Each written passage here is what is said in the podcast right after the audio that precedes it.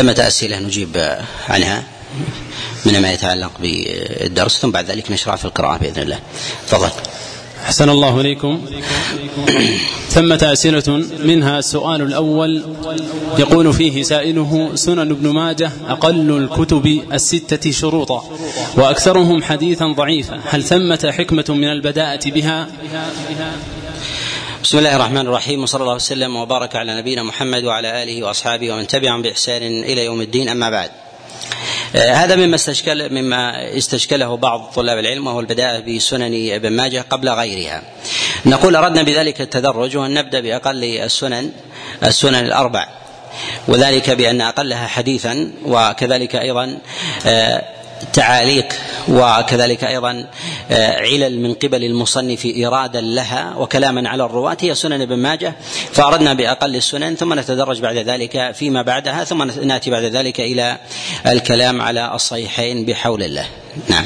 أحسن الله إليكم. السؤال الثاني يقول نرجو منكم الكلام على الأحاديث المعلولة والرواة الضعفاء إن أمكن على كل حديث.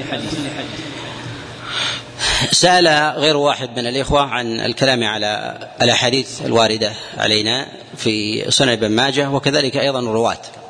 وهذا من الأمور الشاقة في مثل هذه المجالس وذلك أنها مجالس تعليق وليست مجالس شرح واستطراد. وليست مجالس شرح واستطراد والشروح على طرائق العلماء على نوعين استطراد واستنباط. الاستنباط هو الذي يأتي يستنبط حكما شرعيا ثم يمضي وهو شبيه بالتعليقات والحواشي. أما ما يتعلق بالاستطراد هو التوسع في ذلك والتعليق على الأحاديث الواردة في في هذا ونحن طريقتنا في ذلك أن نستنبط شيئا من الأحكام الواردة في الأحاديث وربما نمر على جملة من الأحاديث ثم نورد حكما واحدا. أما الكلام على العلل في كل حديث والكلام أيضا على الرواة هذا مما لا يسعه ربما أشهر. لأن الكتاب آه، كبير والعلماء عليهم رحمة الله في شروح مثال هذه الأحاديث.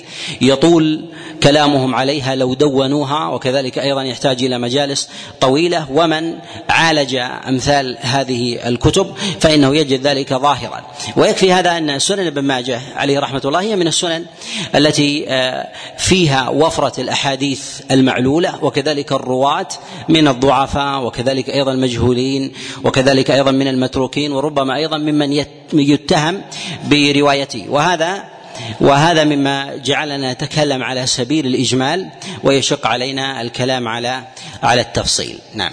أحسن الله إليكم. السؤال الثالث.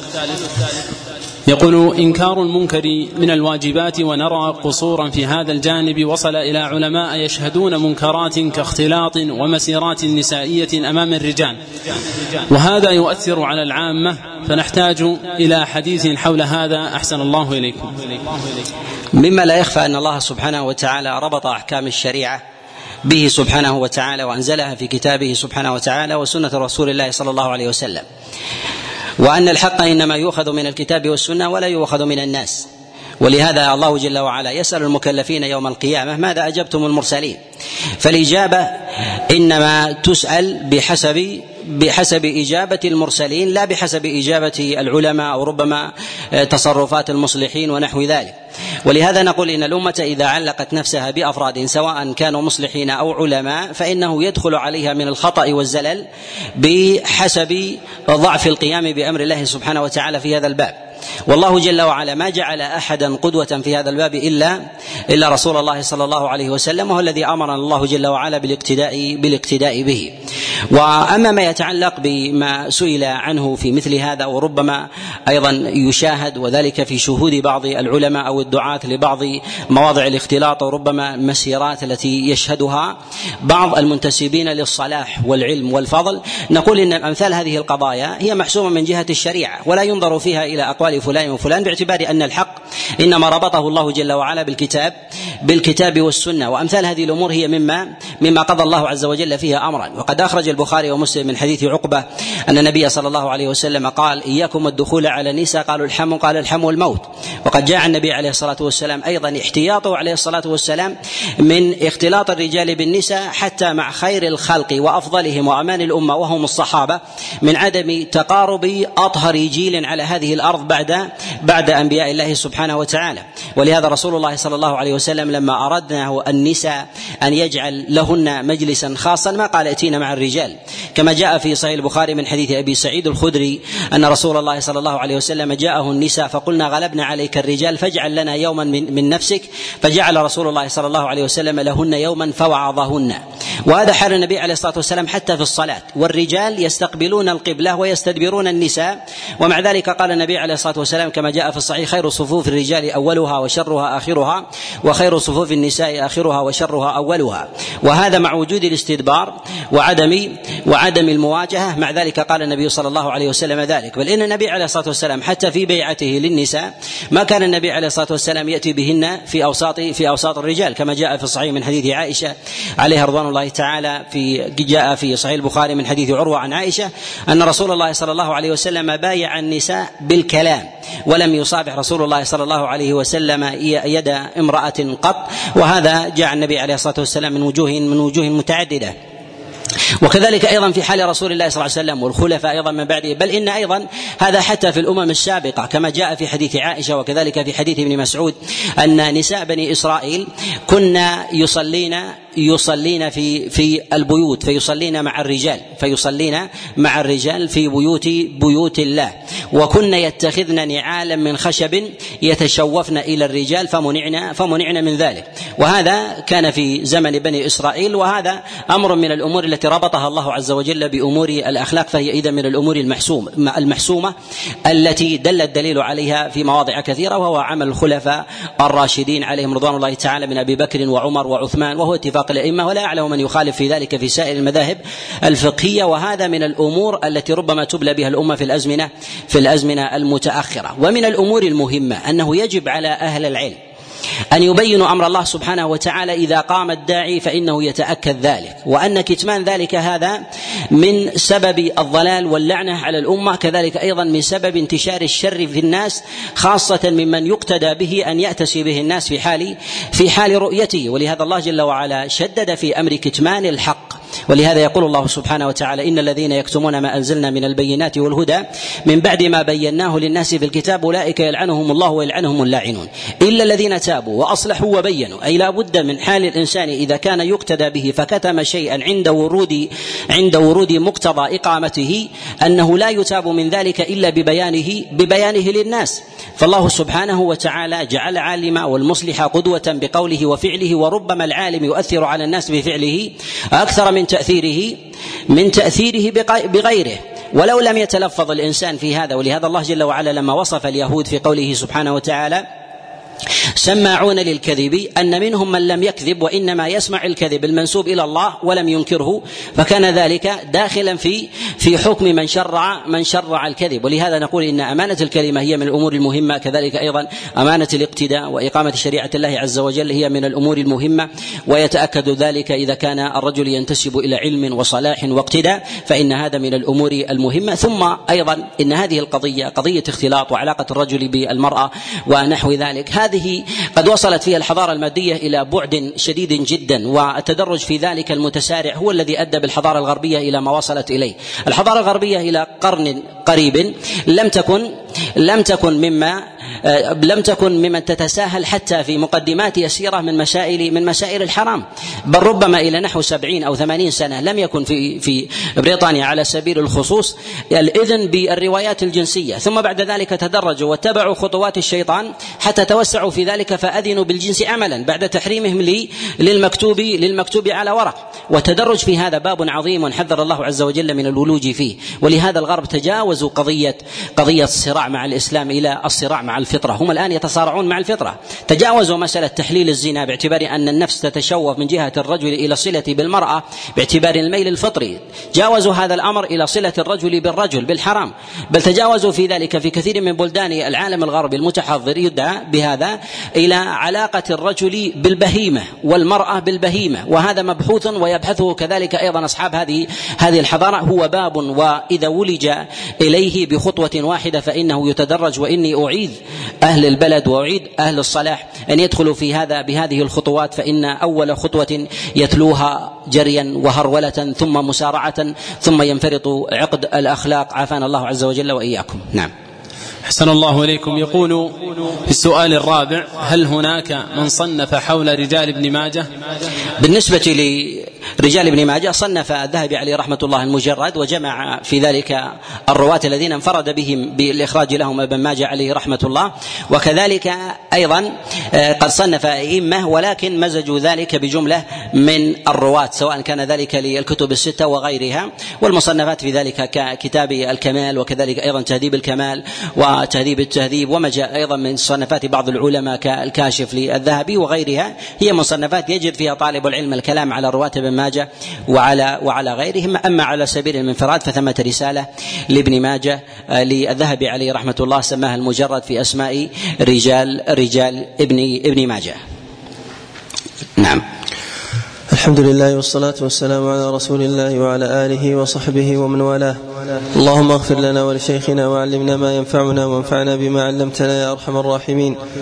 أما بعد فبأسانيدكم إليه رحمنا الله تعالى وإياه. قال باب الرجل يشك في ولده. حدثنا أبو بكر بن أبي شيبة ومحمد بن الصباح قال حدثنا سفيان بن عيينة عن الزهري عن سعيد بن المسيب عن أبي هريرة قال جاء رجل من بني فزارة إلى رسول الله صلى الله عليه وسلم فقال يا رسول الله إن امرأتي ولدت غلاما أسود فقال رسول الله صلى الله عليه وسلم هل لك من إبل؟ قال نعم قال فما ألوانها؟ قال حمر. قال قال هل فيها من أورق؟ قال إن فيها لورقا. قال فأن أتاها ذلك؟ قال عسى عرق نزعها. قال وهذا لعل عرقا نزعه. وهذا لفظ وهذا اللفظ لابن صباح. حدثنا أبو كريب قال حدثنا عباءة بن كريب الليثي وأبو غسان عن جويرية بن أسماء عن نافع عن ابن عمر أن رجلا من أهل البادية أتى النبي صلى الله عليه وسلم فقال يا رسول الله إن امرأتي ولدت على فراشي غلاما أسود وإنا أهل بيت لم يكن فينا أسود قط. قال هل لك من إبل؟ قال نعم. قال فما ألوانها؟ قال حمر. قال هل فيها أسود؟ قال لا. قال فيها أورق؟ قال نعم. قال فأنا كان ذلك. قال عسى أن يكون نزعه عرق. قال فعل فلعل ابنك هذا نزعه عرق. وهذا فيه دفع للشك والريبة التي تكون بين الزوجين وذلك أنه ربما يكون ثمة عرق يتحول معه اللون ويتحول معه كذلك أيضا المظهر. وهذا من حكمة الله سبحانه وتعالى التي أوجدها في المخلوقات. وما من شيء إلا يتحول وما من شيء إلا إلا ويتحول. ويتقاسم يتقاسم الأجيال في ذلك الشبه فيه سواء كان ذلك في الإنسان أو كان ذلك أيضا في البهائم بل أيضا تتحول كذلك أيضا الطباع الطباع من جهة آه، خلق الإنسان وكرمه وكذلك أيضا حدته وقوته وبأسه وعاطفته وغير ذلك كذلك أيضا مما يتعلق أيضا حتى الأفكار تتحول في في فيما فيما بينها. الأفكار تتحول من من جيل إلى جيل ثم تخرج بصورة أخرى ثم تعود. ف ولهذا ثمة مشابهة بين سنن الكون المعنوي والمادي. بين سنن الكون المعنوي والمادي ومن تأمل ذلك ونظر فيه وجد ذلك ظاهرا بينا. نعم. باب الولد للفراش وللعاهر الحجر. حدثنا أبو بكر بن أبي شيبة قال حدثنا سفيان بن عيينة عن الزهري عن عروة عن عائشة قالت إن ابن زمعة وسعدا اختصما إلى النبي صلى الله عليه وسلم في ابن أمة زمعة فقال سعد يا رسول الله أوصاني أخي إذا قدمت مكة أن أنظر إلى ابن زمعة فاقبضه. أن انظر إلى ابن أمة زمعة فاقبضه. وقال عبد بن زمعة أخي وابن أمة أبي ولد على فراش أبي فراى النبي صلى الله عليه وسلم شبهه بعتبة فقال هو لك يا عبد بن زمعة. الولد الفراش واحتجب منه يا سودة. حدثنا أبو بكر بن أبي شيبة قال حدثنا سفيان بن عيينة عن عبيد الله بن أبي يزيد عن أبيه عن عمر أن رسول الله صلى الله عليه وسلم قضى بالولد للفراش. حدثنا هشام بن عمار قال حدثنا سفيان بن عيينة عن الزهري عن سعيد بن المسيب عن أبي هريرة أن النبي صلى الله عليه وسلم قال الولد للفراش وللعاهر الحجر. حدثنا هشام بن عمار قال حدثنا إسماعيل بن عياش قال حدثنا شرحبيل بن مسلم قال سمعت أبا أمامة الباهلية يقول سمعت رسول الله صلى الله عليه وسلم يقول الولد للفراش وللعاهر الحجر. باب الزوجين يسلم أحدهما قبل الآخر. حدثنا أحمد بن عبدة قال حدثنا حفص بن جمع قال حدثنا سماك عن عكرمة عن ابن عباس أن امرأة وهل يرجع في هذا إلى القدرة المادية الحديثه بما يسمى بالتحليل بالدي ان اي ونحو ذلك؟ وذلك للشبه؟ في حال المنازعة في مثل هذا نقول يؤخذ بالظاهر. ولهذا النبي عليه الصلاة والسلام لم يحل إلى إلى أمر القافة. لم يحل النبي إلى أمر القافة. مع أن من العرب من يقطع بقوة القافة وكذلك أيضا صدقها في بعض في بعض المواضع. ولهذا النبي عليه الصلاة والسلام يقول للولد للفراش وللعاهر الحجر. ثم أيضا البحث فيما عدا ذلك هو بحث يدخل في ذلك بابا من الوسواس وكذلك أيضا دفع للشك مما تتشوه في الشريعة إلى اغلاقه نعم أحسن الله وقد يصار إلى التحليلات المادية الحديثة آه، وذلك في في آه، إذا كان ثمة خصومات أو ربما دماء أو نزاعات شديدة أو نحو ذلك ولا تدفع المفسدة إلا بمثل هذا فمثل هذا الأمر قد ينظر إليه بعينه. الله عليكم. عن ابن عباس إن امرأة جاءت إلى النبي صلى الله عليه وسلم فأسلمت فتزوجها رجل فجاء زوجها الأول فقال يا رسول الله إني قد كنت أسلمت معها وعلمت بإسلامي. قال فانتزعها رسول الله صلى الله عليه وسلم من زوجها الآخر ورد إلى زوجها الأول. حدثنا أبو بكر بن خلاد ويحيى بن حكيم قال حدثنا يزيد بن هارون قال أخبرنا محمد بن إسحاق عن داود بن الحصين عن كلمة عن ابن عباس إن رسول الله صلى الله عليه وسلم رد ابنته على على العاص بن الربيع بعد سنتين بنكاحها الأول. حدثنا أبو كريم قال حدثنا أبو معاوية عن حجاج عن عمرو بن شعيب عن أبيه عن جدي أن رسول الله صلى الله عليه وسلم رد ابنته زينب على ابي العاص بن الربيع بنكاح جديد. باب الغيل. حدثنا أبو بكر بن أبي شيبة قال حدثنا يحيى بن إسحاق قال حدثنا يحيى بن أيوب عن محمد بن عبد الرحمن بن نوفل القرشي عن عروة عن عائشة عن جدامة بنت وهب الأسدية أنها قالت سمعت رسول الله صلى الله عليه وسلم يقول قد أردت أن أنهى عن الغيال فإذا فارس والروم يغيلون فلا يقتلون أولادهم. وسمعته يقول وسئل عن العزل فقال هو الوأد الخفي. حدثنا هشام بن عمار قال حدثنا يحيى بن حمزة عن عمرو بن مهاجر أنه سمع أباه المهاجر بن أبي مسلم يحدث عن أسماء بنت يزيد بن السكن وكانت مولاته أنها سمعت رسول الله صلى الله عليه وسلم يقول لا تقتلوا أولادكم سرا فوالذي نفسي بيده إن الغيل ليدرك الفارس على ظهر فرسه حتى يصرعه. باب في المرأة تؤذي زوجها. حدثنا محمد بن بشار قال حدثنا مؤمن قال حدثنا سفيان عن الأعمش عن سالم بن أبي الجعد عن أبي أمامة قال أتت النبي صلى الله عليه وسلم امرأة معها صبيان لها قد حملت أحدهما وهي تقود الآخر فقال رسول الله صلى الله عليه وسلم حاملات والدات رحيمات لولا ما يأتين إلى أزواجهن دخل مصلياتهن الجنة. حدثنا عبد الوهاب بن الضحاك قال حدثني إسماعيل بن عياش عن بحير بن سعد عن خالد بن معدان عن كثير بن مرات عن معاذ بن جبل قال قال رسول الله صلى الله عليه وسلم لا تؤذي امرأة زوجها إلا قالت زوجته زوجته من الحور العين لا تؤذيه قاتلك الله فإنما هو عندك دخيل أوشك أن يفارقك إلينا. باب لا يحرم الحرام الحلال. حدثنا يحيى بن معل بن منصور قال حدثنا إسحاق بن محمد الفراوي قال حدثنا عبد الله بن عمر عن نافع عن ابن عمر عن النبي صلى الله عليه وسلم قال لا يحرم الحرام الحلال. أبواب الطلاق باب حدثنا زهيد بن سعيد وعبد الله بن عامر بن زرارة ومسروق بن المرزبان قالوا حدثنا يحيى بن زكريا بن أبي زايد عن صالح بن صالح بن حي عن سلمة بن كهين عن سعيد بن جبير عن ابن عباس عن عمر بن الخطاب أن رسول الله صلى الله عليه وسلم طلق حفصة ثم راجعها. وفي قول النبي عليه الصلاة والسلام لا يحرم الحرام الحلال يعني أن القضاء هو قضاء الله والحلال هو حلال الله والحرام هو حرام الله وليس لأحد أن يعتدي على شيء من ذلك. وفي هذا إشارة إلى أن كل حكم يخالف أمر الله فهو منقوض كل حكم يحاكم يخالف أمر الله فهو فهو منقوض وكل قضاء يخالف القضاء أو قانون يخالف أمر الله عز وجل فلا عبرة ولا اعتداد ولا اعتداد به. نعم. أحسن الله إليكم.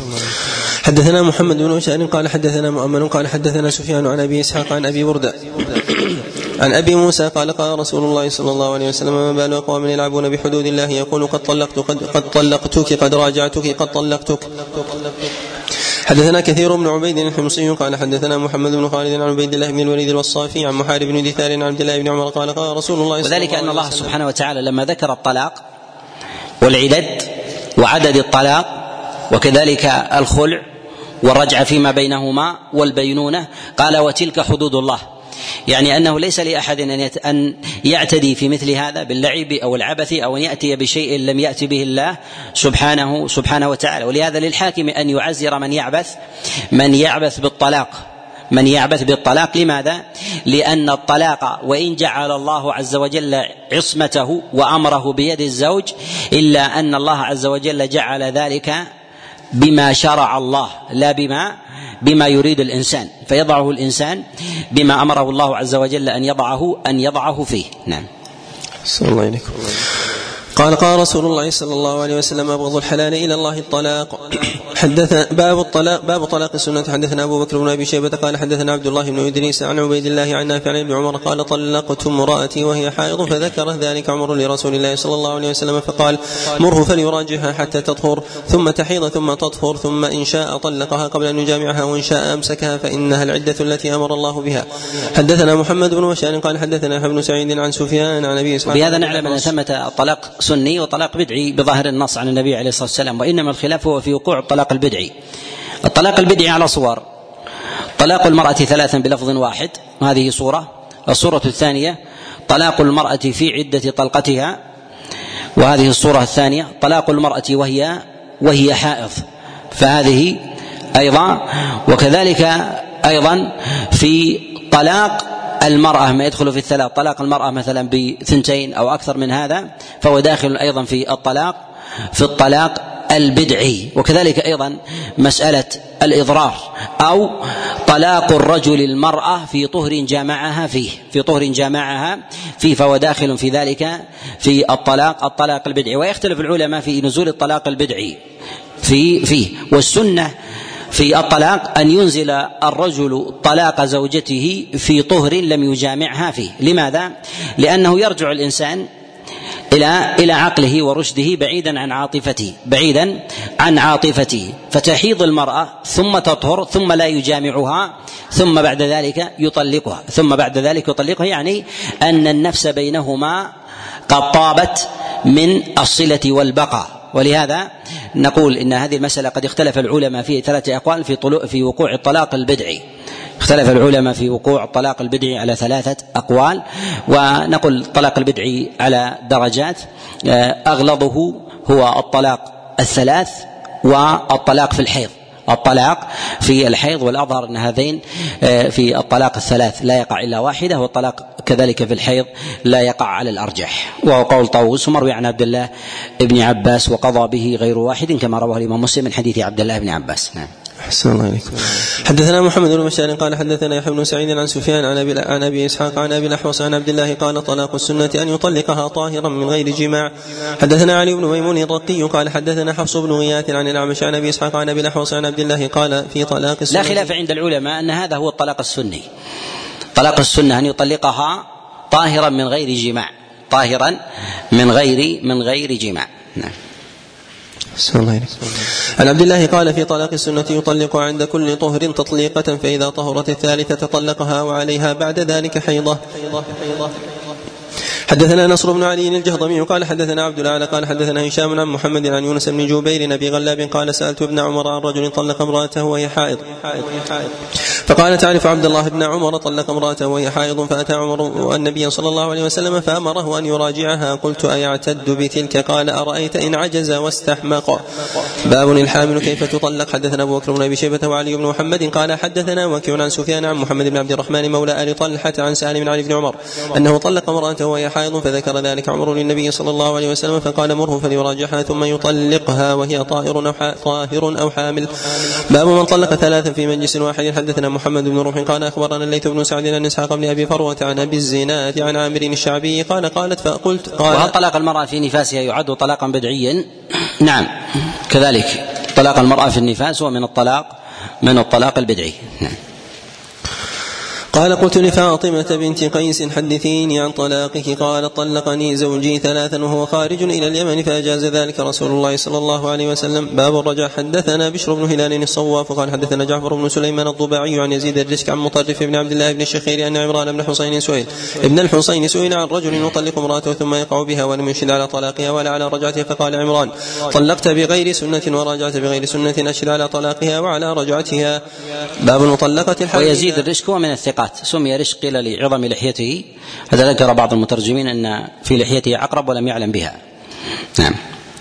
الله باب المطلقة الحامل إذا وضعت ذا بطنها بانت حدثنا محمد بن عمر بن هياج قال حدثنا قبيصة بن عقبة قال حدثنا سفيان عن عمرو بن ميمون عن أبيه عن زبير بن العوام أنه كانت عنده أم كلثوم بنت عقبة فقالت له وهي حامل طيب نفسي بتطليق فطلقها تطليقا ثم خرج إلى الصلاة فرجع وقد وضعت فقال ما لها خدعتني خدعها الله. ثم أتى النبي صلى الله عليه وسلم فقال سبق الكتاب أجله اخطبها إلى نفسها. باب الحامل متوفى عنها زوجها إذا وضعت حلت الأزواج. حدثنا أبو بكر بن أبي شيبة قال حدثنا أبو الأحوص عن منصور عن إبراهيم عن الأسود. عن أبي السنابن قال وضعت سبيعة الأسلمية بنت الحارث حملها بعد وفاة زوجها ببضع وعشرين ليلة. فلما تعلت من نفاسها تشوفت فعيب ذلك عليها وذكر أمرها للنبي صلى الله عليه وسلم فقال إن تفعل فقد مضى أجلها. حدثنا أبو بكر بن أبي شيبة قال حدثنا علي بن مسلم عن داود بن أبي هند عن الشعبي عن مسروق وعمر بن عتبة أنهما كتبا إلى سبيعة بنت الحارث يسألانها عن أمرها فكتبت إليهما. إنها وضعت بعد وفاة زوجها بخمسة وعشرين فتهيأت تطلب الخير فمر بها أبو سنابل بن بعكك ابن بعكك فقال قد أسرعت اعتدي آخر الأجلين أربعة أشهر وعشرا فأتيت النبي صلى الله عليه وسلم فقلت يا رسول الله استغفر لي. قال وفيما ذاك قال فأخبرته قالت فأخبرته فقال إن وجدت زوجا صالحا فتزوجي. حدثنا نصر بن علي ومحمد بن بشار قال حدثنا عبد الله بن داود قال حدثنا هشام بن عروة عن أبيه عن المسور بن مخرمة أن النبي صلى الله عليه وسلم أمر سبيعة أن تنكح إذا تعلت من نفاسها. حدثنا محمد بن مثنى قال حدثنا أبو معاوية عن الأعمش عن مسلم عن مسروق عن عبد الله بن مسعود قال والله لم والله لمن شاء لعناه لأنزلت سورة النساء القصرى بعد أربعة أشهر وعشرا باب أين تعتد المتوفى عنها؟ زوجها حدثنا أبو بكر بن أبي شيبة قال حدثنا أبو خالد الأحمر سليمان بن حيان عن سعد بن بن إسحاق بن كعب بن عجرة عن زينب بنت كعب بن عجرة وكانت تحت أبي سعيد الخدري أن أخته الفريعة بنت مالك قالت خرج زوجي في طلب اعلاج له فأدركهم بطرف القدوم فقتلوه فجاء نعي زوجي وأنا في دار من دور الأنصار شاسعة عن دار أهلي فأتيت النبي صلى الله عليه وسلم فقلت يا رسول الله إنه جاء نعي زوجي وأنا في دار شاسعة عن دار أهلي ودار إخوتي ولم يدع مالا ينفق علي, ينفق علي ولا مالا ورثه ولا دارا يملكها فإن رأيت أن تأذن لي فألحق بدار أهلي ودار إخوتي فإنه أحب إلي وأجمع لي في بعض أمري قال فافعلي إن شئت. قالت فخرجت قديرة عيني لما قضى لي لما قضى الله لي على لسان رسوله صلى الله عليه وسلم. حتى إذا كنت في المسجد أو في بعض الحجرة دعاني فقال كيف زعمت؟ قالت فقصصت عليه. فقال امكثي في بيتك الذي جاء فيه نعي زوجك حتى يبلغ الكتاب أجله قالت فاعتدت في أربعة أشهر وعشرا باب هل تخرج المرأة في عدة؟ حدثنا محمد بن يحيى. قال حدثنا عبد العزيز بن عبد الله. قال حدثنا ابن أبي الزناد عن عن هشام العلماء في بقاء المرأة إذا توفي عنها زوجها في بيتها. في بي في بيتها الذي توفي عنها فيه. هل بقاؤها في ذلك من الأمور الواجبة والمستحبه وهل خروجها في ذلك جائز؟ خروجها في ذلك في ذلك جائز. نقول إذا تخرج للحاجة لا بأس لا بأس بهذا واختلف العلماء في مقدارها في مقدار الحاجة. ويتفقون على أن الحاجة التي لا تقضى إلا بها فهذا يجوز للمرأة أن أن تفعل. وذلك خروج المرأة مثلا لطبيب أو تشتري قميصا لا يعرف مقاسه إلا هي أو نحو ذلك. فإن هذا من الأمور من الأمور المباحة. وأما خروجها للعمرة والحج ونحو ذلك فقد جاء عن عائشة عليه رضوان الله ترخيص ترخيصها لذلك كما جاء عند ابن أبي شيبة وغيره وكذلك رواه البيهقي وقال به الحسن وعطاء وأبو عبيد القاسم بن سلام وغيرهم والأئمة الأربعة على على منعها على منعها من الخروج نعم. الله عليكم. عن هشام بن عروة عن أبيه قال دخلت على مروان فقلت له امرأة من أهلك طلقت فمررت عليها وهي تنتقل فقالت أمرتنا فاطمة بنت قيس وأخبرتنا أن رسول الله صلى الله عليه وسلم أمرها أن تنتقل فقال مروان هي أمرة بذلك قال عروة فقلت أما والله لقد عابت ذلك عائشة وقالت إن فاطمة كانت في مسكن وحش فخيف عليها فلذلك أرخص لها رسول الله صلى الله عليه وسلم حدثنا أبو بكر بن أبي شيبة قال حدثنا حفص بن غياث عن هشام بن عروة عن أبيه عن عائشة قالت قالت فاطمة بنت قيس يا رسول الله إني أخاف أن يقتحم علي فأمر امرها أن تتحول. حدثنا سفيان بن وكيع قال حدثنا روح وحدثنا أحمد بن منصور قال حدثنا حجاج بن محمد جميعا عن ابن جريج قال أخبرني أبو زبير عن جابر بن عبد الله قال طلقت خالتي فأرادت أن تجد نخلها فزجرها رجل أن تخرج إليه فأتت النبي صلى الله عليه وسلم فقال بلى فجدي نخلك فإنك عسى أن تصدقي أو تفعلي معروفا. باب المطلقة ثلاثا هل لها سكنى ونفق. حدثنا أبو بكر بن أبي شيبة وعلي بن محمد قال حدثنا وكيع قال حدثنا سفيان عن أبي بكر بن أبي الجهم بن صخير العدوي قال سمعت فاطمة بنت قيس تقول إن زوجها طلقها ثلاثة فلم يجعل لها رسول الله صلى الله عليه وسلم سكنى ولا نفقة. والمراد بالطلاق الثلاث مراد بالطلاق بعد فترات يعني بانت منه وليس المراد بذلك أنه طلقها ثلاثا بقوله أنت طالق ثلاثا أو طالق طالق طالق أو طالق ألف أو نحو ذلك وإن المراد بذلك أنه طلقها على السنة ثم بانت ثم بانت منه. وطلاق بلفظ واحد ثلاثا حكى بعض العلماء تحريمه. وحكى بعض العلماء تحريمه. ونص عليه ابن تيمية رحمه الله أنه محرم ولا يختلف الصحابة في هذا. وبعضهم نص على على كراهته. نعم. أحسن الله عليك حدثنا أبو بكر بن أبي شيبة قال حدثنا جرير عن مغيرة عن الشعبي قال قالت فاطمة بنت قيس طلقني زوجي على عهد رسول الله صلى الله عليه وسلم فقال رسول الله صلى الله عليه وسلم لا سكنى لك ولا نفقة. باب متعة الطلاق. حدثنا أحمد بن المقدام أبو الأشعث العجلي قال حدثنا عبيد بن القاسم قال حدثنا هشام بن عروة عن أبيه عن عائشة أن عمرة بنت الجون تعوذت من رسول الله صلى الله عليه وسلم حين أدخلت عليه. فقال لقد عثت بمعاذ فطلقها وأمر أسامة أو أنسا فمتعها بثلاثة أثواب رازقية باب الرجل يجحد الطلاق. حدثنا محمد بن يحيى قال حدثنا عمرو بن أبي سلمة أبو حفص التنيسي عن زهير عن ابن جريج عن عمرو بن شعيب عن أبيه عن جده عن النبي صلى الله عليه وسلم قال إذا ادعت المرأة طلاق زوجها فجاءت على ذلك بشاهد عدل استحلف زوجها فإن حلف بطلت شهادة الشاهد. وان نكل فنكوله بمنزلة شاهد آخر وجاز طلاقه. باب من طلق أو نكح أو راجع على عمل. حدثنا هشام بن عمار قال حدثنا حاتم بن إسماعيل قال حدثنا عبد الرحمن بن حبيب بن أدرك قال حدثنا عطاء بن أبي رباح عن يوسف بن ماهك عن أبي هريرة قال قال رسول الله صلى الله عليه وسلم ثلاث جدهن جد وهزلهن جد النكاح والطلاق والرجعة. على ما تقدم؟ فإن هذا الحديث جاء من طرق متعددة ولا ولا يثبت عن النبي عليه الصلاة والسلام ولا يثبت عن رسول الله صلى الله عليه وسلم. والعبرة بالطلاق بالظاهر على ما يعلم أن الطلاق على نوعين. طلاق صريح وطلاق كناية والصريح في ذلك أن يقول الرجل لزوجته أنت طالق. وبعضهم يلحق في ذلك انت خليه وبرية وغير ذلك مما يشتهر ويستفيض استعمالا في بعض البلدان دون غيرها. وأما بالنسبة للكناية الذي يرجع فيه إلى النية وقول الإنسان لزوجته اذهبي إلى أهلك أو اذهبي إلى الناس أو خذي متاعك أو نحو ذلك. هذه من العبارات التي يرجع فيها يرجع فيها إلى نية الإنسان. أما الصريح فإنه لا يرجع لا يرجع النية ويؤخذ ويؤخذ بالظاهر. يؤخذ بالظاهر. ويحرم اللعب بالطلاق باعتبار أنه حد من حدود الله عز وجل ليس الإنسان أن يتجاوزه. وهو حد ينزله الإنسان على المرأة وليس له أن يلعب بذلك بما ملكه الله جل وعلا من أمره. كالذين يأخذون أرقاما فيقول أنت طالق مئة أو مئتين أو ألف أو ألفين أو نحو ذلك. وهذا من الأمور المنهي المنهي عنها. باعتبار أنه عبث. والله جل وعلا قد حد حدا للطلاق الطلاق مرتان فإمساك بمعروف أو تسريح أو تسريح بإحسان. فهذا هو الطلاق. هو الطلاق الثلاث. ليس للإنسان أن يزيد أن يزيد على ذلك. وللحاكم أن يعزر من تلاعب به على ما تقدم بشيء من الألفاظ أو ربما زيادة أو نحو ذلك والطلاق هو ثلاث وزيادة في ذلك تعتبر من اللغو.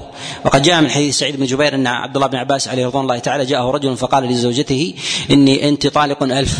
فقال عبد الله بن مسعود لك منها ثلاث وتسعمائة أو سبعة وتسعين لك لغيرك. يعني أن هذه الثلاثية التي شرع الله سبحانه وتعالى.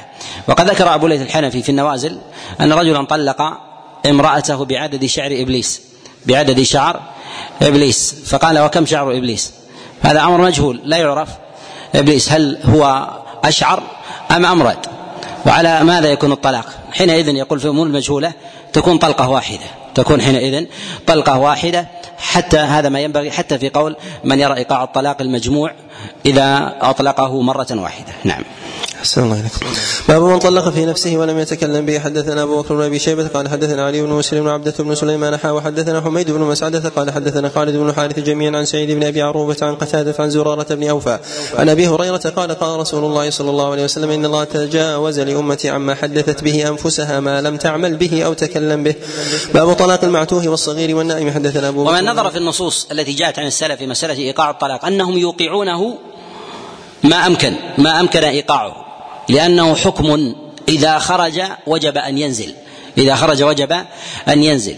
ولا يدفع في ذلك إلا إلا لأمر قوي.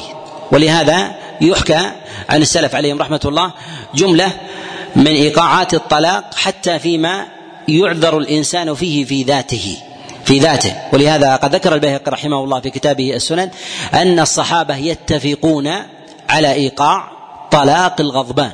إيقاع طلاق الغضبان أي أن المطلق إذا طلق وهو غضبان فإن طلاقه يقع وأما الذي يستغلق ويجن فهذا حكمه حكم الجنون لا حكم الغضبان لا حكم الغضبان ولهذا نقول أن الطلاق الانسان إذا طلق زوجته وهو غضوب أو حاد أو نحو ذلك فيقع الطلاق وبعضهم يسأل يقول أن زوجتي أنا طلقتها وأنا وأنا غاضب هل يقع الطلاق؟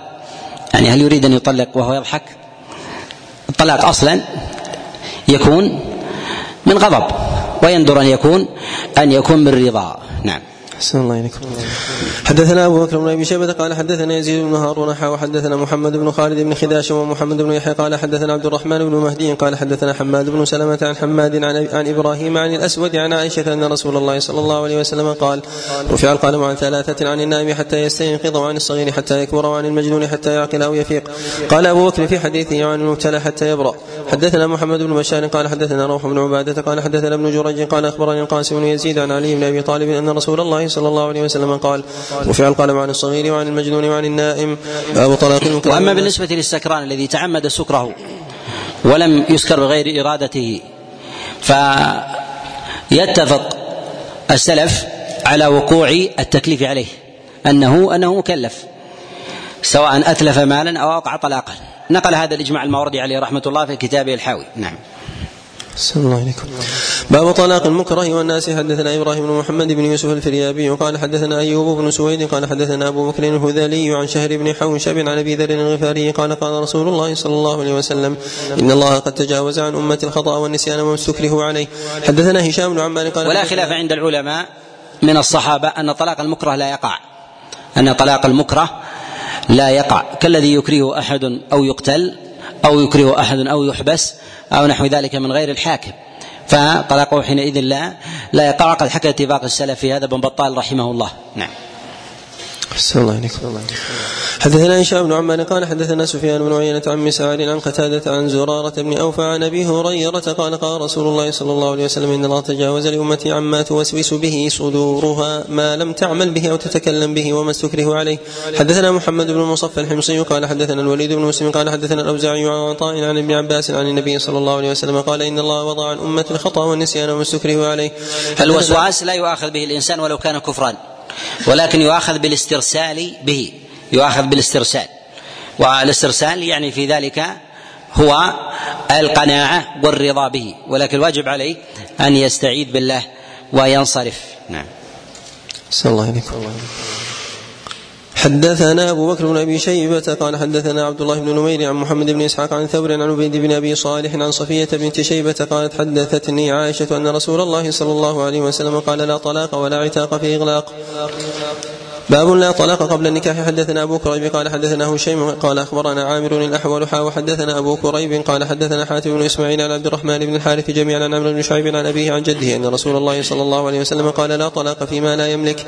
حدثنا أحمد بن سعيد الدارمي قال حدثنا علي بن الحسين بن واقد قال حدثنا هشام بن سعد عن الزهري عن عروة عن النسور بن مخرمة عن النبي صلى الله عليه وسلم قال لا طلاق قبل نكاح ولا عتق قبل ملك. حدثنا محمد بن يحيى قال حدثنا عبد الرزاق قال أخبرنا معمر عن جويبر عن الضحاك عن النزال بن سبرة عن علي بن أبي طالب عن النبي صلى الله عليه وسلم قال لا طلاق قبل النكاح. باب ما يقع به الطلاق. حدثنا عبد الرحمن بن إبراهيم الدمشقي قال حدثنا الوليد بن مسلم قال حدثنا الأوزاعي قال سألت الزهري أي أزواج النبي صلى الله عليه وسلم استعاذت منه فقال أخبرني عروة عن عائشة أن ابنة الجون لما دخلت على رسول الله صلى الله عليه وسلم فدنا منها قالت أعوذ بالله منك فقال رسول الله صلى الله عليه وسلم عذت بعظيم الحقي بأهلك. باب طلاق البتة. وبهذا أخذ غير واحد من العلماء أن كلمة الحقي بأهلك أو اذهبي إلى أهلك أنها طلاق. أنها طلاق. نعم. باب طلاق البت. حدثنا أبو بكر بن أبي شيبة وعلي بن محمد قال حدثنا وكيع عن جرير بن حازم عن الزبير بن سعيد عن عبد الله بن علي بن يزيد بن ركانة عن أبيه عن جده أنه طلق امرأته البت فأتى رسول الله صلى الله عليه وسلم فسأله فقال ما أردت بها؟ قال واحدة. قال آه الله ما أردت بها إلا واحدة. قال آه الله ما أردت بها إلا واحدة. قال فردها عليه. قال محمد بن ماجه سمعت أبا الحسن علي بن محمد الطنافسي يقول ما أشرف هذا الحديث قال أبو عبد الله بن ماجه أبو عبيد تركه ناحية وأحمد جبن عنه. وعلى هذا الحديث الإمام أحمد رحمه الله. نعم. صلى الله عليكم باب الرجل يخير امراته حدثنا أبو بكر بن أبي شيبة قال حدثنا أبو معاوية عن الأعمش عن مسلم عن مسروق عن عائشة قالت خيرنا رسول الله صلى الله عليه وسلم فاخترناه فلم يره شيئا.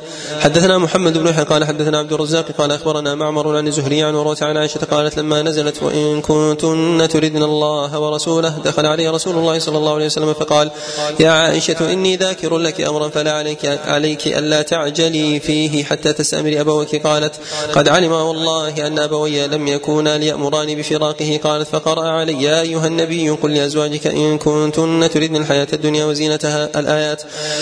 فقلت في هذا أستأمر أبوي قد اخترت الله ورسوله. وهذا أصل في في مسألة تخيير الزوجة وتمليكها العصمة. أن يخير رجل زوجته فيقول لك الأمر إن شئت طلاقا أو أو شئت البقاء. شئت الطلاق أو شئت البقاء. لكن لو اختارت الطلاق هل تبين بنفسها؟ لا لا تبين بنفسها وإنما يقع طلقة واحدة وهذا بالاتفاق.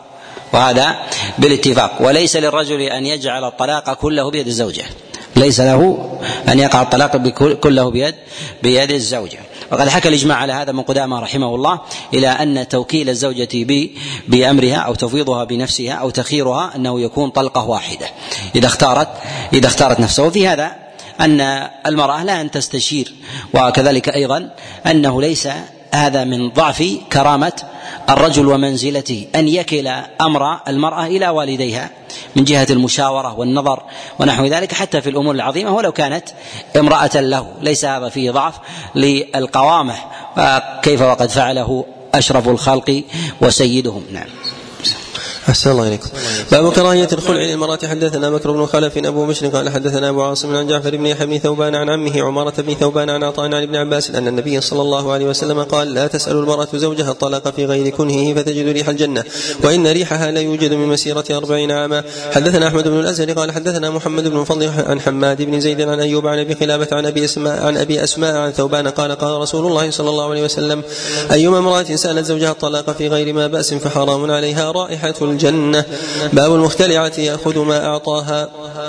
حدثنا أزهر بن مروان قال حدثنا عبد العالم وسؤالها الطلاق لا يسقط الطلاق في حال وقوعه. لو سألت الطلاق ثم أنزل عليها الطلاق لا يبطل ذلك تحريمها السؤال لأن السؤال إنما حرم عليها. وأما بالنسبة للإيقاع فهو جائز جائز للرجل. نعم. أحسن باب المختلعة يأخذ ما أعطاه حدثنا أزهر بن مروان قال حدثنا عبد العالم بن عبد العالم ولا يختلف العلماء على أن الخلع ماض وهو سائر بين الزوجين ولم ينكره من ذلك أحد وهذا محل اتفاق حتى عند السلف من الصحابة وغيرهم وقد نص على أن هذا عليه عمل السلف الزيلعي عليه رحمة الله من أئمة الحنفية. نعم. أحسن الله عليكم باب المختلعة يأخذ ما أعطاه حدثنا أنسر بن مروة قال حدثنا عبد الله بن عبد الله قال حدثنا سعيد بن أبي عروبة عن قتادة عن كلمة عن ابن عباس أن جميلة بنت سلول أتت النبي صلى الله عليه وسلم فقالت والله ما أعتب على ثابت في دين ولا خلق ولكن يكره الكفر في الإسلام لا أطيقه بغضا. فقال لها النبي صلى الله عليه وسلم تردين عليه حديقته؟ قالت نعم. فأمر رسول الله صلى الله عليه وسلم أن يأخذ من حديقته ولا يزداد. حدثنا أبو كريب قال حدثنا أبو خالد الأحمر الحجاج عن عمرو بن شعيب عن أبيه عن جده قال كانت حبيبة بنت سهل تحت ثابت بن قيس بن شماس وكان رجلا دميما فقالت يا رسول الله والله لولا مخافة الله إذا, إذا دخل علي لبصقت في وجهه فقال رسول الله صلى الله عليه وسلم تردين علي حديقته؟ قالت نعم. قال فردت علي حديقته. قال ففرق بينهما رسول الله صلى الله عليه وسلم. حدثنا باب عدة المختلعة حدثنا علي بن سلمة النيسابوري قال حدثنا يعقوب بن إبراهيم بن سعد قال حدثنا أبي عن علي بن إسحاق قال أخبرني عبادة بن وليد بن عبادة بن صامت عن الربيع بنت معاوية بن عفراء قالت قلت لها حدثيني حديثك. قالت اختلعت من زوجي ثم جئت عثمان فسألت ماذا علي من العدة؟ فقال لا عدة عليك إلا أن يكون حديث عهد بك فتمكثين عنده حتى تحيضين حيضة. قالت وإنما تبع في ذلك قضاء رسول الله صلى الله عليه وسلم في مريم المغالية وكانت تحت ثابت بن قيس فاختلعت منه. والمختلع عدة المختلعة تختلف عن عدة المطلقة. المختلعة تستبرئ بحيضة وهذا بالاتفاق. بالاتفاق. وقد نص على هذا الإجماع غير واحد من العلماء لأنه اتفاق الصحابة. كابن تيمية رحمه الله انها تعتد حيضة تستبرئ فقط استبراء بحيضة إذا خالعها زوجها وأن عدتها تختلف عن تختلف عن عده عدة المطلقة. كذلك أيضا مما تختلف فيه أنه لا يلحقها طلاق بعد ذلك. إذا بقيت في العدة اختلعت من زوجها وبقيت في عدة حيضة لو أوقع عليها طلاقا وهي في الحيضة لا يعتد بها لا يعتد لا يعتد بهذه الطلقة وهذا أيضا بالاتفاق. قد نص على اتفاق السلف في ذلك جماعة كابن مفلح رحمه الله. نعم. أحسن الله عليكم باب الإله حدثنا هشام بن عمار قال حدثنا عبد الرحمن بن أبي الرجال عن أبيه عن عمرة عن عائشة قالت أقسم رسول الله صلى الله عليه وسلم أن لا يدخل على نسائه شهرا فمكث تسعة وعشرين يوما حتى إذا كان مساء ثلاثين دخل علي فقلت إنك أقسمت أن لا تدخل علينا شهرا فقال الشهر كذا يرسل أصابعه فيه ثلاث مرات والشهر كذا وأرسل أصابعه كلما أمسك إصبعا واحدا في الثالثة. حدثنا سويد بن سعيد قال حدثنا يحيى بن زكريا بن أبي زايد عن حارثة بن محمد عن عمرة عن عائشة أن رسول الله صلى الله عليه وسلم إنما آلى لأن زينب ردت عليه هديته فقالت عائشة لقد أقمأتك فغضب صلى الله عليه وسلم فآلى منها فآلى منهن. حدثنا أحمد بن يوسف السلمي قال حدثنا أبو عاصم عن ابن جريج عن يحيى بن عبد الله بن محمد بن صيفين عن كلمة بن عبد الرحمن عن أم سلمة أن رسول الله صلى الله عليه وسلم آلى من بعض نسائه شهرا فلما كان تسعة وعشرين راح أو غدا فقيل يا رسول الله إنما مضى تسع وعشرون. فقال الشهر تسع وعشرون. باب الظهار. حدثنا أبو بكر بن أبي شيبة قال حدثنا عبد الله بن والفيء لا يكون إلا إلا بالجماع. لا يفيء إلا بالجماع. وفي قول الله جل وعلا فإن فاءوا فإن الله غفور رحيم. فهذا المراد به الجماع. جاء حكاية الاتفاق عن هذا غير واحد من العلماء. ومن نظر في كلام المفسرين من السلف وجد هذا ظاهرا. ولكن إذا لم يستطع الإنسان الجماع فيكفي في ذلك القول. يكفي في هذا القول. كالإنسان البعيد أو السجين أو نحو ذلك آل من امرأته ثم أراد أن يعيدها فيكفي من ذلك القول. يقول أعدتك. نعم. أحسن الله إليكم حدثنا ابو بكر بن أبي شيبة قال حدثنا عبد الله بن نمير قال حدثنا محمد بن إسحاق عن محمد بن عمرو بن عطاء عن سليمان بن يسار عن سلمة بن صخر البياضي قال كنت امرأ أستكثر من النساء لا أرى رجلا كان يصيب من ذلك ما أصيب فلما دخل رمضان تظاهرت من امرأتي حتى ينسلخ رمضان فبينما هي تحدثني ذات ليلة انكشف لي منها شيء فوثبت عليها فوقعتها. فلما أصبحت غدوت على قوم فاخبرتهم خبري وقلت لهم سلوا لي رسول الله صلى الله عليه وسلم فقالوا ما نفعل اذا ينزل ينزل الله فينا كتابا أو يكون فينا من رسول الله صلى الله عليه وسلم قول فيبقى علينا عاره ولكن سوف نسلمك بجريرتك. اذهب أنت فاذكر شأنك لرسول الله صلى الله عليه وسلم. قال فخرجت حتى جئتم فأخبرت الخبر فقال رسول الله صلى الله عليه وسلم أنت بذاك؟ فقلت أنا بذاك وهانا يا رسول الله. صابر لحكم الله علي قال فأعتق رقبة. قال قلت والذي بعثك بالحق ما أصبحت أملك إلا رقبتي هذه. قال فصم شهرين متتابعين. قال قلت يا رسول الله وهل دخل علي ما دخل من البلاء من البلاء إلا بالصوم؟ قال فتصدق أو أطعم ستين مسكينا. قال قلت والذي بعثك بالحق لقد بتنا ليلتنا هذه ما لنا عشاء قال فاذهب إلى صاحب صدقة بني زريق فقل له فليدفعها إليك. واطعم ستين مسكينا وانتفع ببقيتها. حدثنا أبو بكر بن أبي شيبة قال حدثنا محمد بن أبي عبيدة قال حدثنا أبي عن الأعمش عن تميم بن سلمة عن عروة بن الزبير قال قالت عائشة تبارك الذي وسع سمعه كل شيء إني لا أسمع كلام خولة بنت ثعلب ويخفى علي بعضه وهي تشتكي زوجها إلى رسول الله صلى الله عليه وسلم وهي تقول يا رسول الله أكل شبابي ونثرت له بطني حتى إذا كبرت سني وانقطع ولدي ظاهر مني اللهم إني أشكو إليك. فما برحت حتى نزل جبريل بهؤلاء الآيات. قد سمع الله قول التي تجادلك في زوجها وتشتكي إلى الله. باب المظاهر يجامع قبل أن يكفر. حدثنا عبد الله بن سعيد قال حدثنا عبد الله بن إدريس عن محمد بن إسحاق عن محمد بن عمرو بن عطاء عن سليمان بن يسار الظهار حكمه واحد ولو ولو تعددت الأزواج. ولو تعدد الأزواج. إذا ظاهر من امرأة أو ظاهر من أكثر فأمره في ذلك في ذلك واحد. من جهة الحكم المترتب على على الزوج. وقد حكى الاتفاق على هذا غير واحد من العلماء كابن قدامة عليه رحمة الله بل حكى أنه لا خلاف عند الصحابة عليهم رضوان الله تعالى في هذا كالذي يظاهر من أربع أو يظاهر من ثلاثة أو يظاهر من واحدة. نعم. أحسن الله عليكم.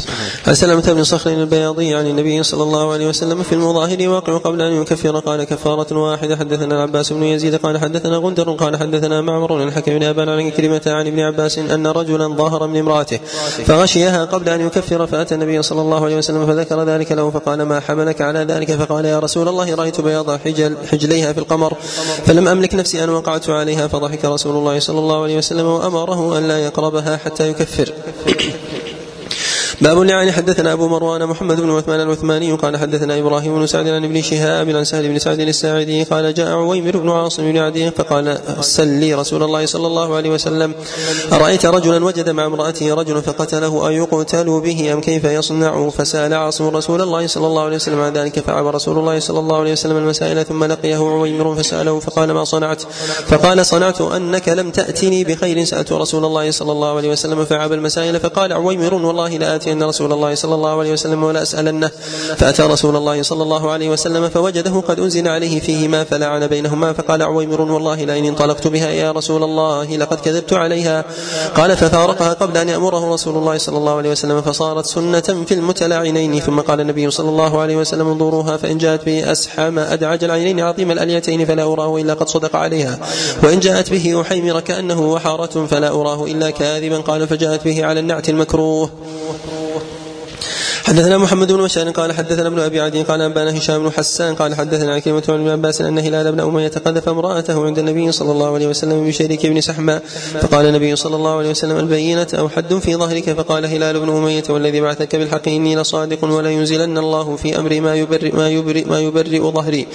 قال فنزلت والذين يرمون أزواجهم ولم يكن لهم شهداء إلا أنفسهم. فشهادة احدهم حتى بلغ والخامسة أن غضب الله عليها إن كان من الصادقين. فانصرف النبي صلى الله عليه وسلم وسلم فأرسل إليهما فجاء فقام هلال بن أمية فشهد والنبي صلى الله عليه وسلم يقول إن الله يعلم أن أحدكما كاذب فهل من تائب؟ ثم قامت فشهدت فلما كان عند الخامسة أن غضب الله عليها إن كان من الصادقين. قالوا لها إنها لموجبة. قال ابن عباس فتلكأت ونكصت حتى ظن أنها سترجع. فقالت لا والله لا أفضح قوم سائر اليوم. فقال النبي صلى الله عليه وسلم أبصروها. فإن جاءت به أكحل العينين سابغ الأليتين قد لج الساقين. فهو لشريك بن سحمة فجاءت به كذلك. فقال النبي صلى الله عليه وسلم لولا ما مضى من كتاب الله لكان لي ولها شأن. وهذا فيه إشارة إلى أن ما يتعلق بمسألة البينة في هذا في مسألة اللعان أن البينة إذا عدمت فإنه حينئذ يلجأ إلى إلى الملاعنة وأن الملاعنة هي الفيصل. والنبي عليه الصلاة والسلام ما أخذ بالشبه وما أخذ بالقافة. وإنما وكل إلى قضاء الله سبحانه وتعالى في ذلك لولا ما مضى من كتاب الله لكان لي ولها شأن. يعني أن الله سبحانه وتعالى لما قضى إنه لا يلتفت إلى إلى قضاء إلى قضاء آخر بعده. نعم. الله إليكم. حدثنا أبو بكر ويتفق العلماء أيضا في مثل هذا المتلع إذا تلعن أن يفرق بينهما.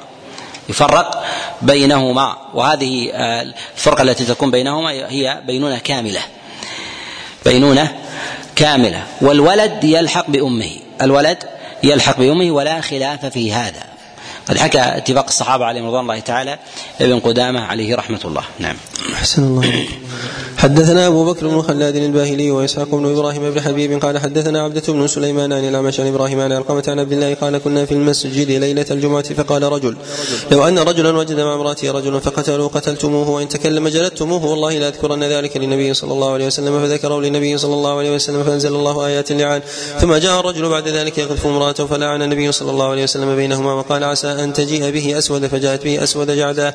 حدثنا أحمد بن سنان قال حدثنا ويتفق العلماء أيضا على أن الزوج لا تقبل شهادته على على زوجته فإذا جاء بثلاثه شهود وهو الرابع وهو الرابع. يجلد الثلاثة ويؤمر بالملاعنة هو يؤمر بالملاعنة ولا عبرة به. وهذا لا خلاف لا خلاف فيه عند عند السلف من الصحابة وغيرهم وقد نص على على هذه المسألة. أن عليها عمل السلف من الصحابة الماوردي عليه رحمة الله. نعم. أحسن الله عليكم حدثنا أحمد بن سنان قال حدثنا عبد الرحمن بن مهدي عن مالك بن أنس عن نافع عن ابن عمر أن رجلا لعن امرأته وانتفى من ولدها ففرق رسول الله صلى الله عليه وسلم بينهما وألحق الولد بالمرأة. حدثنا علي بن مسلمة النيسابوري قال حدثنا بن إبراهيم بن سعد قال حدثنا أبي عن ابن إسحاق قال ذكر طلحة بن نافع عن سعيد بن جبير عن ابن عباس قال تزوج رجل من الأنصار امرأة من بلعجلان فدخل بها فبات عندها فلما أصبح قال وجدت ما وجدتها عذراء فرفع شأنهما إلى رسول الله صلى الله عليه وسلم فدعا الجارية فسألها فقالت بلى قد كنت عذراء فأمر بهما فتلاعنا وأعطاها المهر. حدثنا محمد بن قال حدثنا حيوة بن شريح الحضرمي عن ضمرة بن ربيعة عن ابن عطاء عن أبيه عن عمرو بن شعيب عن أبيه عن جده أن النبي صلى الله عليه وسلم قال أربع من النساء لا ملاعنة بينهن النصرانية تحت المسلم واليهودية تحت المسلم والحرة تحت المملوك والمملوكة تحت الحر. وبأسانيدكم إليه رحمنا الله تعالى وإياه. قال باب الحرام. حدثنا الحسن بن قزعة قال حدثنا سلمة بن علقمة قال حدثنا داود بن أبي هند عن عامر عن مسروق عن عائشة قال تعالى رسول الله صلى الله عليه وسلم من نسائه وحرم فجعل الحلال حراما وجعل في اليمين كفارة. حدثنا محمد بن يحيى قال حدثنا وهب بن جرير قال حدثنا هشام بن الدستوائي عن يحيى بن أبي كثير عن يعلى بن حكيم عن سعيد بن جبير قال قال ابن عباس في الحرام يمين. وكان ابن عباس يقول لقد كان لكم في رسول الله أسوة حسنة. باب خيار الأمة إذا اعتقت حدثنا أبو بكر بن أبي شيبة قال حدثنا حفص بن غياث عن الأعمش عن إبراهيم عن الأسود عن عائشة أنها اعتقت بريرة فخيرها رسول الله صلى الله عليه وسلم وكان لها زوج حر. حدثنا محمد بن مثنى ومحمد بن خلاد الباهلي قال حدثنا عبد الوهاب الثقفي قال حدثنا خالد الحذاء وعن كلمة عن ابن عباس قال كان زوج بريرة عبدا يقال له مغيث كأني أنظر إليه يطوف خلفها ويبكي ودموعه تسيل على خده. فقال النبي صلى الله عليه وسلم للعباس يا عباس ألا تعجب من حب مغيث بريرة ومن بغض بريرة مغيثا. فقال لها النبي صلى الله عليه وسلم لو راجعتيه فإنه أبو ولدك. قالت يا رسول الله ما قالت يا رسول الله تأمرني؟ قال إنما أشفع. قالت لا حاجة لي فيه. حدثنا علي بن محمد قال حدثنا وكيع عن أسامة بن زيد في هذا أنه لا حرج على الإنسان أن يرد شفاعة العظيم. ومهما بلغ الإنسان فلا أعظم من رسول الله صلى الله عليه وسلم. ومع ذلك ردت. عليها رضوان الله تعالى شفاعة رسول الله صلى الله عليه وسلم لما ترى لما ترى الضرر عليها. وينبغي أيضا أن الشافع ألا يجد في نفسه وألا يجعل نفسه آمرا أن شفاعته في مقام الأمر بل هو الأمر إليها. والأمر على على الاختيار سواء كان في أمور النكاح أو العتاق أو غيرها. نعم. أحسن الله عليكم. حدثنا علي بن محمد قال حدثنا واكع عن أسامة بن زيد عن القاسم بن محمد عن عائشة قالت مضى في بريرة ثلاث سنن خيرت حتى حين اعتقت وكان زوجها مملوكا وكانوا يتصدقون عليها فتهدي إلى النبي صلى الله عليه وسلم فيقول هو عليها صدقة وهو لنا هدية وقال الولاء لمن أعتق. حدثنا علي بن محمد قال حدثنا واكع عن سفيان عن منصور عن إبراهيم عن الأسود عن عائشة قالت أمرت بريرة أن تعتد بثلاث ولكن الأمة إذا اعتقت وزوجها عبد وزوجها عبد هي بالخيار بالبقاء معه أو لا. ما لم يمسها ما لم يمسها. إذا مسها أو قبلها انتهى. لا خيار لا خيار لها. نعم نعم. الله عليك حدثنا إسماعيل بن توبة قال حدثنا عباد بن العوام عن يحيى بن أبي إسحاق عن عبد الرحمن بن أذينة عن أبي هريرة أن رسول الله صلى الله عليه وسلم خير بريرة باب طلاق الأمة وعدتها. حدثنا محمد بن طريف وإبراهيم بن سعيد الجوهري قال حدثنا عمرو بن شبيب عمر بن شبيب المسلي. عن عبد الله بن عيسى عن عطية عن ابن عمر قال قال رسول الله صلى الله عليه وسلم طلاق الأمة اثنتان وعدتها حيضتان. حدثنا محمد بن بشار قال حدثنا أبو عاصم قال أخبرنا ابن جريج عن مظاهر بن أسلم عن القاسم. إذا توفي الرجل إذا توفي الرجل وقد أعتق عبدا له. فإن النبي عليه الصلاة والسلام يقول ولا لمن أعتق. ولكنه توفي. الولا يكون لذريته الذكور لا للإناث. كل ذريته الذكور لا لا للإناث. وهذا من المسائل التي يطبق عليها السلف. من المسائل التي يطبق عليها السلف. وقد حكى إطباقهم في ذلك القرطبي عليه رحمة الله. نعم. السلام عليكم. عن عائشة عن النبي صلى الله عليه وسلم قال طلاق الأمة تطليقتان وقرها حيضتان. قال أبو عاصم فذكرت لمظاهر فقلت حدثني كما حدث ابن جريج فأخبرني عن القاسم عن عائشة عن النبي صلى الله عليه وسلم قال طلاق الأمة تطليقتان وقرها حيضتان. باب طلاق العبد حدثنا محمد وهذا كما أنه في عدة الطلاق كذلك أيضا في عدة الوفاة. أنها على النصف على النصف. ولما لما كان الحيض لا ينصف كانت على حيضتين أو على قرأين وأما بالنسبة للمتوفى عنها زوجها فإنها على النصف على النصف من ذلك وهذا أيضا المسائل التي تم عليها الإطباق قد حكى إطباق السلف في ذلك ابن قدامة رحمه الله. نعم.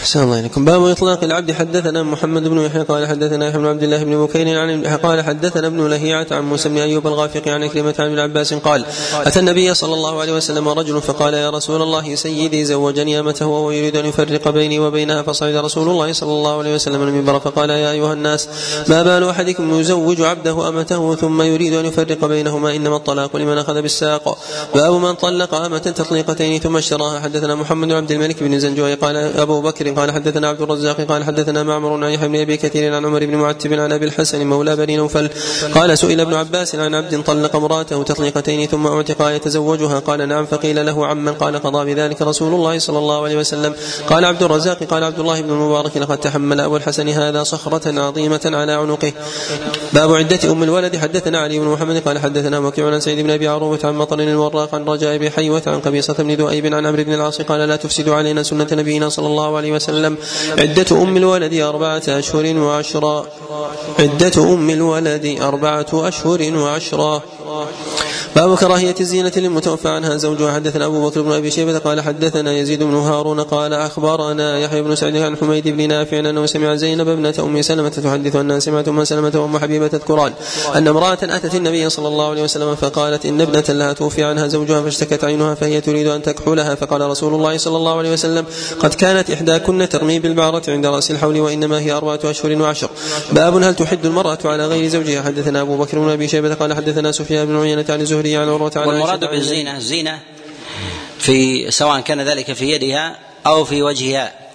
ويجوز لها أن تتطيب لإزالة الريح الموجود في الإنسان وذلك للنتن أو وقع على ثيابها أو شيء فهذا يجوز لها أن تزيله. ويجوز كذلك للمرأة إذا كانت في عدتها أن تكلم أن تكلم من تحتاج أن تتكلم سواء كان ذلك بالهاتف أو غيره تقضي تقضي حاجتها ولها أن تصل رحمها كذلك وأن يصلها أرحامها وهذا مما لا حرج مما لا حرج فيه. ولا يجب عليها أن تلبس لباسا معينا بنوع معين بل تلبس تلبس لباس بيتها لباس بيتها مما لا يظهر فيه فيه زينة. نعم. أحسن الله إليك. عن عائشة عن النبي صلى الله عليه وسلم قال لا يحل امرأة أن تحد على ميت فوق ثلاث إلا على زوج. حدثنا هناد بن سري قال حدثنا أبو الأحوص عن يحيى بن سعيد عن نافع عن صفية بنت أبي عبيد عن حفصة. زوج النبي صلى الله عليه وسلم قالت قال رسول الله صلى الله عليه وسلم لا يحل لامرأة تؤمن بالله واليوم الآخر أن تحد على ميت فوق ثلاث إلا على زوج. حدثنا أبو بكر بن أبي شيبة قال حدثنا عبد الله بن نمير عن هشام بن حسان عن حفصة عن أم عطية قالت قال رسول الله صلى الله عليه وسلم لا يحد لا يحد على ميت فوق ثلاث إلا امرأة تحد على زوجها أربعة أشهر وعشرا ولا تلبس ثوب ولا تلبس ثوب مصبوغ إلا ثوب عصب. ولا تكتحل ولا تطيب إلا عند أدنى طهر طهرها بنبذة من قسط وأظفار.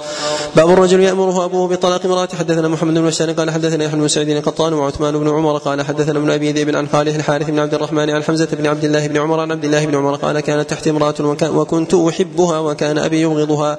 فذكر ذلك عمر للنبي صلى الله عليه وسلم فأمرني أن أطلقها. فطلقتها حدثنا محمد بن بشار قال حدثنا محمد بن جعفر قال حدثنا شعبة عن عطاء بن السائب عن أبي عبد الرحمن أن رجلا أمره أبوه أو أمه شك شعبة أن يطلق امرأته فجعل عليه مئة محرر فأتى أبا الدرداء فإذا هو يصلي الضحى ويطيلها وصلى ما بين الظهر والعصر فسأله فقال أبو الدرداء أوف بنذرك وبر والديك. حدثنا أبو الدرداء قال سمعت رسول الله صلى الله عليه وسلم يقول الوالد أوسط أبواب الجنة فحافظ على والديك أو اترك. وهنا لا يعني أن الأب يملك عصمة عصمة الطلاق وإنما المراد بذلك الطاعة إنما المراد بذلك الطاعة وليست هي لكل أب وإنما لمن كان حاله كعمر حاله كعمر وذلك الذي يحث أو يحض ابنه على طلاق طلاق امرأة ابنه من غير كره لحظ نفسه وذلك لوجود العلم والديانة والصلاح فعمر بن الخطاب ملهم ومحدث ولهذا الإمام أحمد كما ذكر قاضي بن أبي يعلى في الطبقات أنه جاء رجل فقال إن أبي أمرني أن أطلق زوجتي. قال له لا تطلق قال لا إن ابن عمر أمره أبوه أن يطلق زوجته فطلقها فقال حتى يكون أبوك كعمر.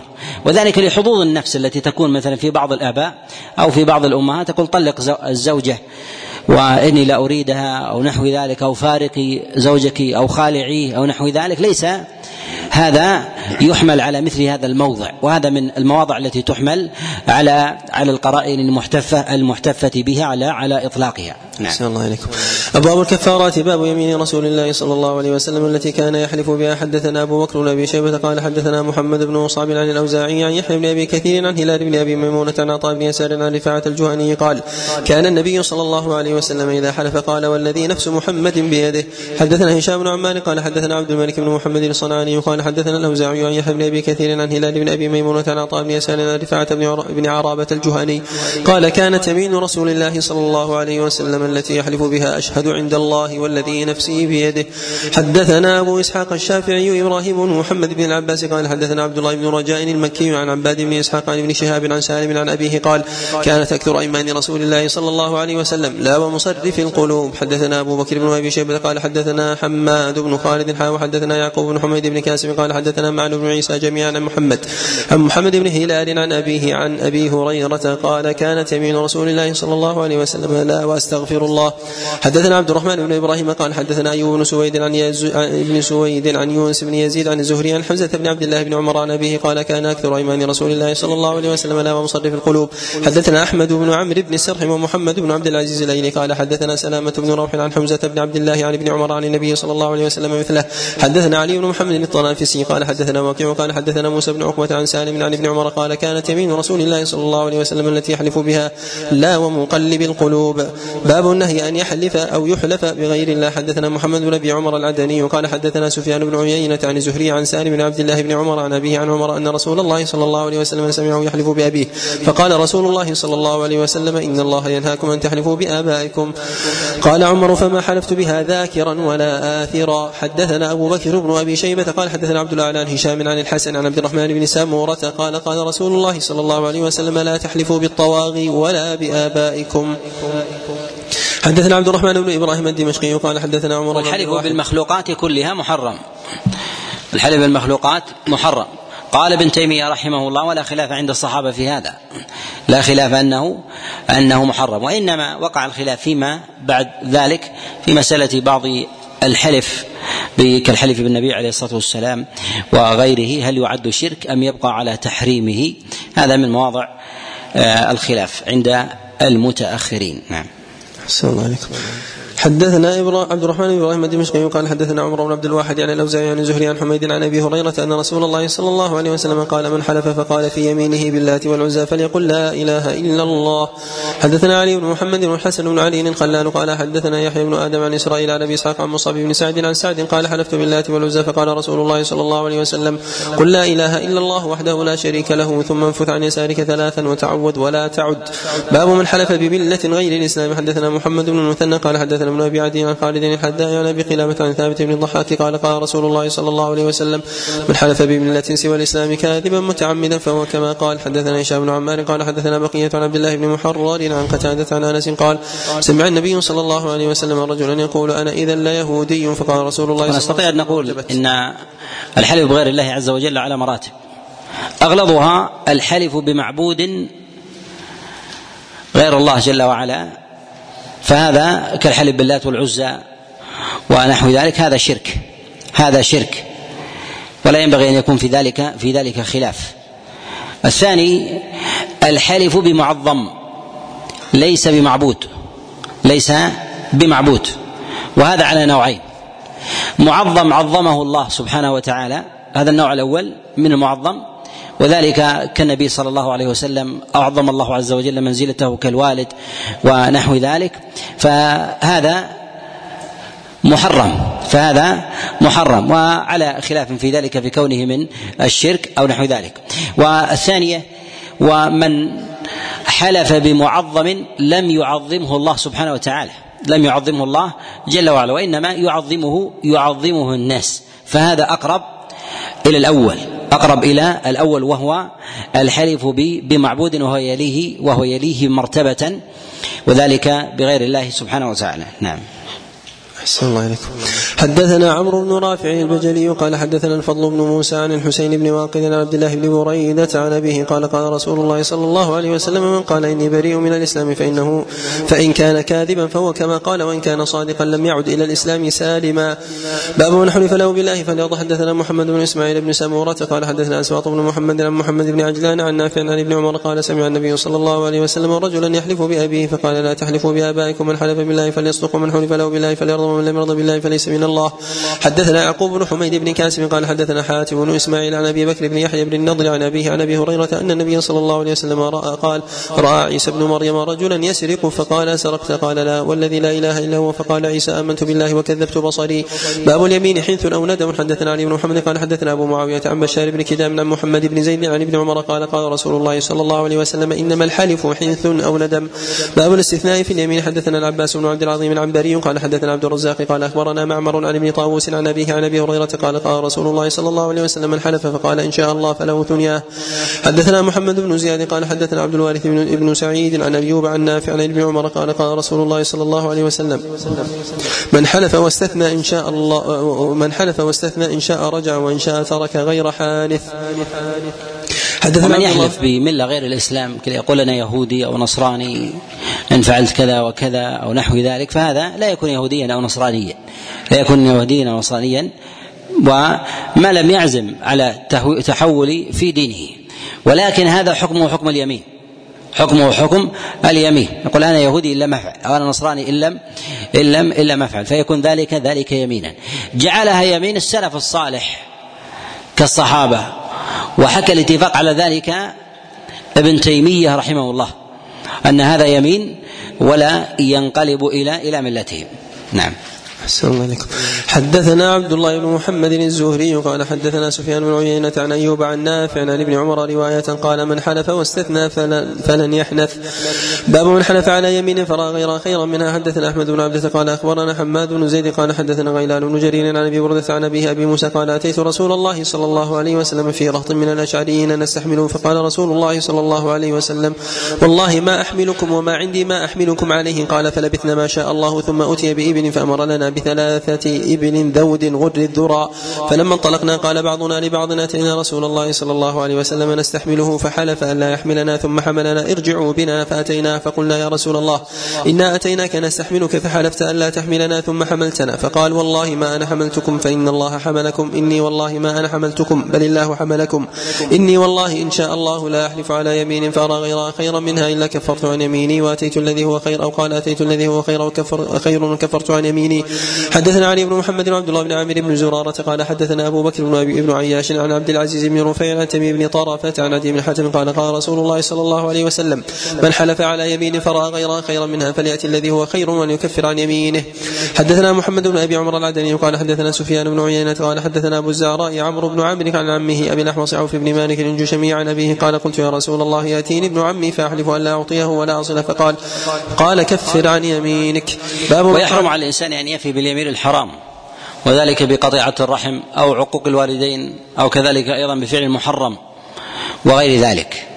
وأما الطاعات فيتأكد في حقه في في حقه. وقد جاء عن عبد الله بن عباس عليه رضوان الله تعالى من حلف أن يذبح ابنه يجب عليه شاة.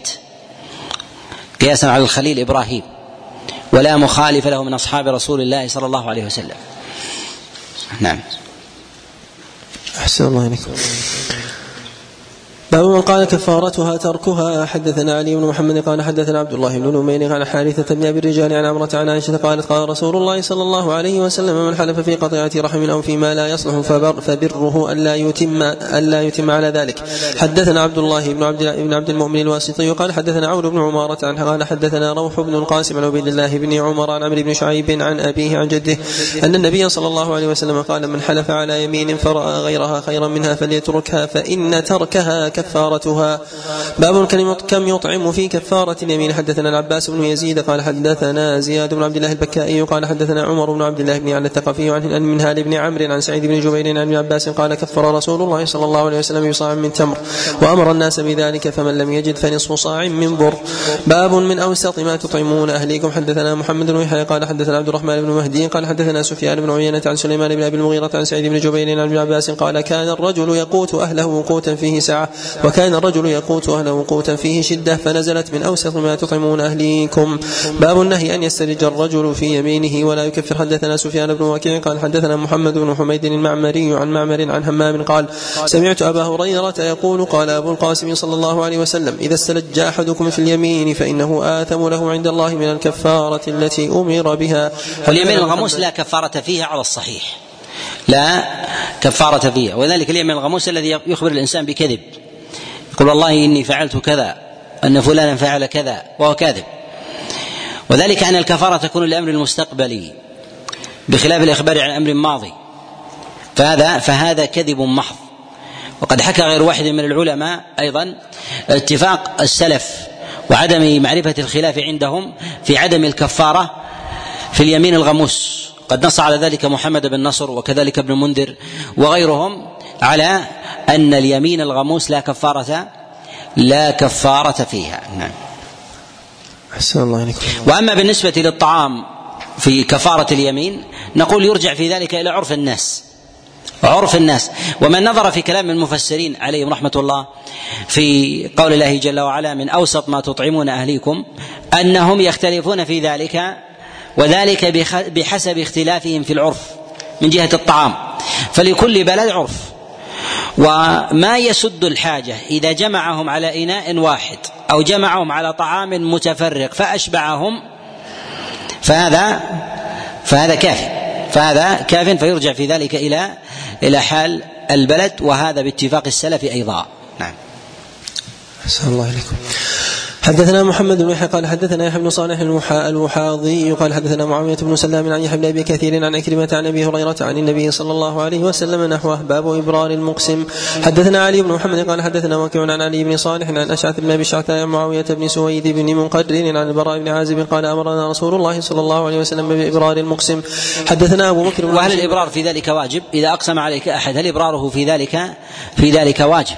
نقول هذا لا يخلو من حالين. من له حق عليك كأب وأم فيجب. فيجب ولو لم يكن قسم فالقسم من باب أولى. الثاني من ليس له حق عليك. وذلك كعامة الناس من الأصحاب والأهل ومن يعترض الإنسان. فهذا يستحب إبرار القسم ولا يجب عليه. وذلك أن النبي صلى الله عليه وسلم أقسم عليه أبو بكر لما في الرؤيا لما أولها أول أبو بكر فقال النبي عليه الصلاة والسلام أصبت بعضا وأخطأت بعضا. فقال النبي عليه الصلاة فقال أبو بكر أقسمت عليك يا رسول الله إلا أخبرتني. قال النبي عليه الصلاة والسلام لا تقسم. قال النبي عليه الصلاة والسلام لا لا تقسم. لهذا نقول يرجع الإنسان في ذلك المصلحة فيتأكد في حقه أن أن يجيب القسم وإن لم يجب فلا حرج عليه. نعم. أحسن الله عليكم حدثنا أبو بكر بن أبي شيبة قال حدثنا محمد بن فضيل عن يزيد بن أبي زياد عن مجاهد عن عبد الرحمن بن صفوان أو عن صفوان بن عبد الرحمن القرشي قال لما كان يوم فتح مكة جاء بأبي فقال يا رسول الله اجعل لأبي نصيبا من الهجرة فقال إنه لا هجرة فانطلق فدخل على العباس فقال قد عرفتني. قال أجل. فخرج العباس في قميص ليس عليه رداء فقال يا رسول الله قد عرفت فلانا والذي بيني وبينه وجاء بأبيه لتبايعه على الهجرة فقال النبي صلى الله عليه وسلم إنه لا هجرة. فقال العباس أقسمت عليك فمد النبي صلى الله عليه وسلم يده فمس يده فقال أبررت عمي ولا هجرة. حدثنا محمد بن يحيى قال حدثنا الحسن بن الربيع عن عبد الله بن إدريس عن يزيد بن أبي زياد بإسناده نحوه. قال يزيد بن أبي زياد يعني لا هجرة من دار قد أسلم أهلها. باب النهي أن يقال ما شاء الله وشئت. حدثنا هشام بن عمار قال حدثنا عيسى بن يونس قال حدثنا أجلح الكندي عن يزيد بن الأصم عن ابن عباس قال قال رسول الله صلى الله عليه وسلم إذا حلف أحدكم فلا يقل ما شاء الله وشئت ولكن ليقل ما شاء الله ثم شئت. حدثنا هشام بن عمار قال حدثنا سفيان بن عيينة عن عبد الملك بن عمير عن ربيع بن حراش عن حذيفة بن اليمان أن رجلا من المسلمين رأى في النوم أنه لقي رجلا من أهل الكتاب فقال نعم القوم أنتم لولا أنكم تشركون تقولون ما شاء الله وشاء محمد. وذكر ذلك لنبي صلى الله عليه وسلم فقال أما والله إن كنت لأعرفها لكم قولوا ما شاء الله ثم شاء محمد. حدثنا ابن أبي شوارب قال حدثنا أبو عوانة عن عبد الملك بن عن ربعي بن حراش عن الطفيل بن سخبرة أخي عائشة لأمها عن النبي صلى الله عليه وسلم بنحوه. طيب نقف للصلاة. صلى الله عليه وسلم.